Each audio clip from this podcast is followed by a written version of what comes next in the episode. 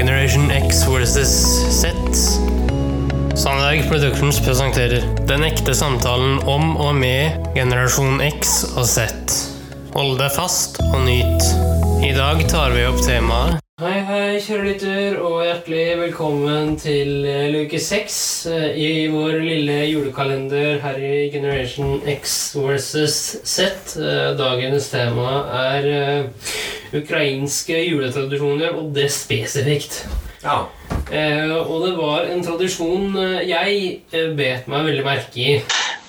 Uh, are there any particular Christmas traditions in Ukraine?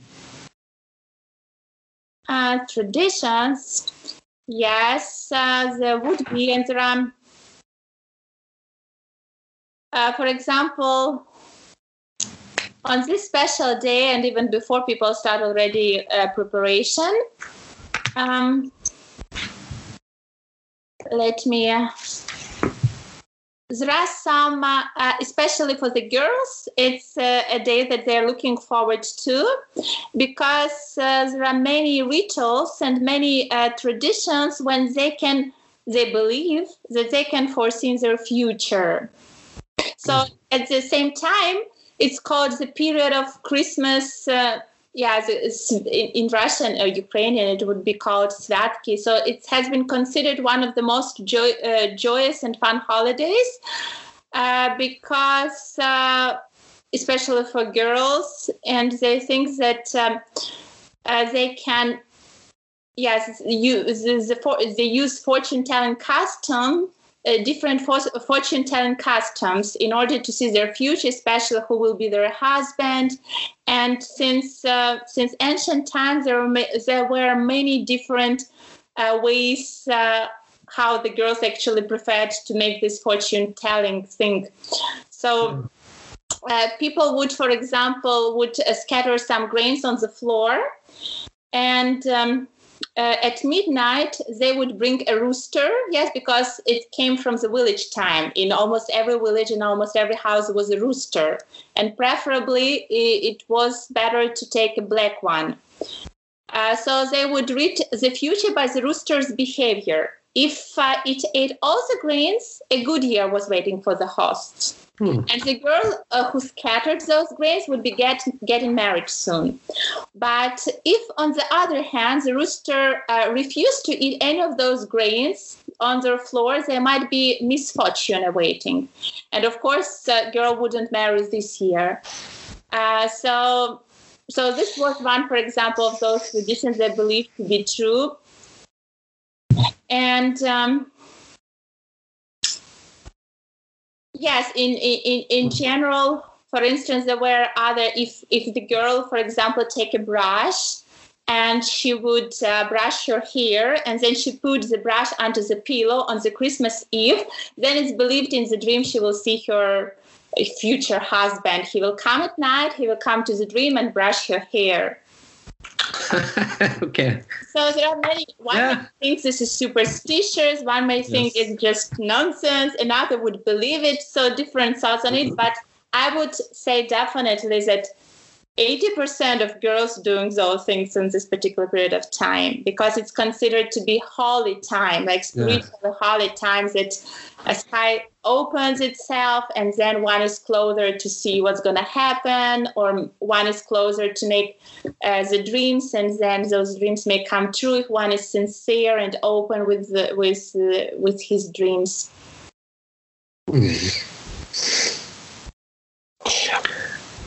And also another thing what they do, people do on this day uh, or on th- those days before christmas a little bit and after uh, they are dressing up in a special clothes very embroidered clothes very traditional clothes for both men and women.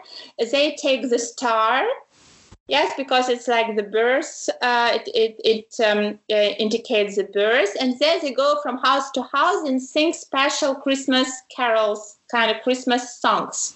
Oh. And people greet them with the candies, uh, money, but sometimes just they sing and they don't get anything, but they do it with the joy. And uh, who, whoever wishes to do that, they can join and then just uh, in and uh, and spread the spirit of uh, of um, festivity and of a holy spirit.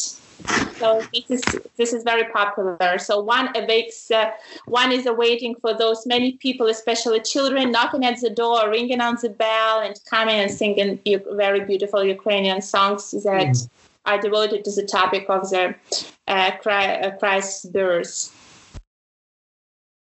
Oh. Nice.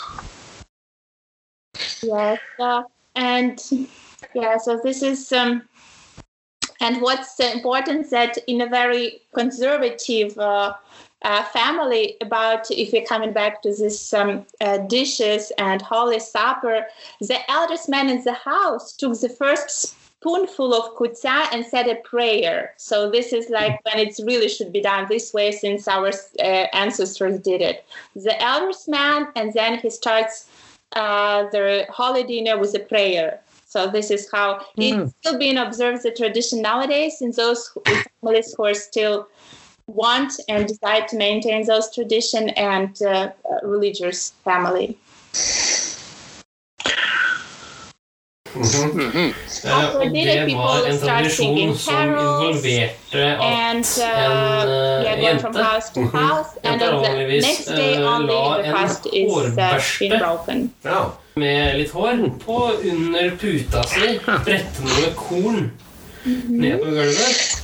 Ja og tok en svart fane som da skulle spå fremtidens er mye rart med spådommene uh, og ulike tradisjoner på det området.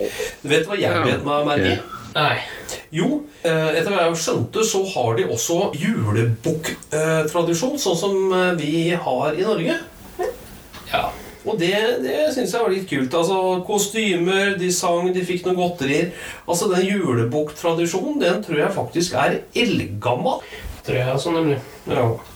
Men det var uh, luke nummer seks, kjære sønn. Ja, øh, og vent øh, på luke syv, også til i morgen. Hva er temaet da, Henrik? vet du hva, det er jeg litt usikker på. Er du det? Men eh, det får vi bare ta som det kommer. Vi tar det som det kommer. Og det er mye det julen handler også om, kjære sønn. Ja. ja. Takk for nå. Takk for nå. Veldig hyggelig. Tusen takk for at du fulgte oss. Eh, gi gjerne tilbakemelding, likes eller kommentar på Facebook-siden vår Generation X versus Z. Velkommen igjen til neste podkastepisode. Hei då!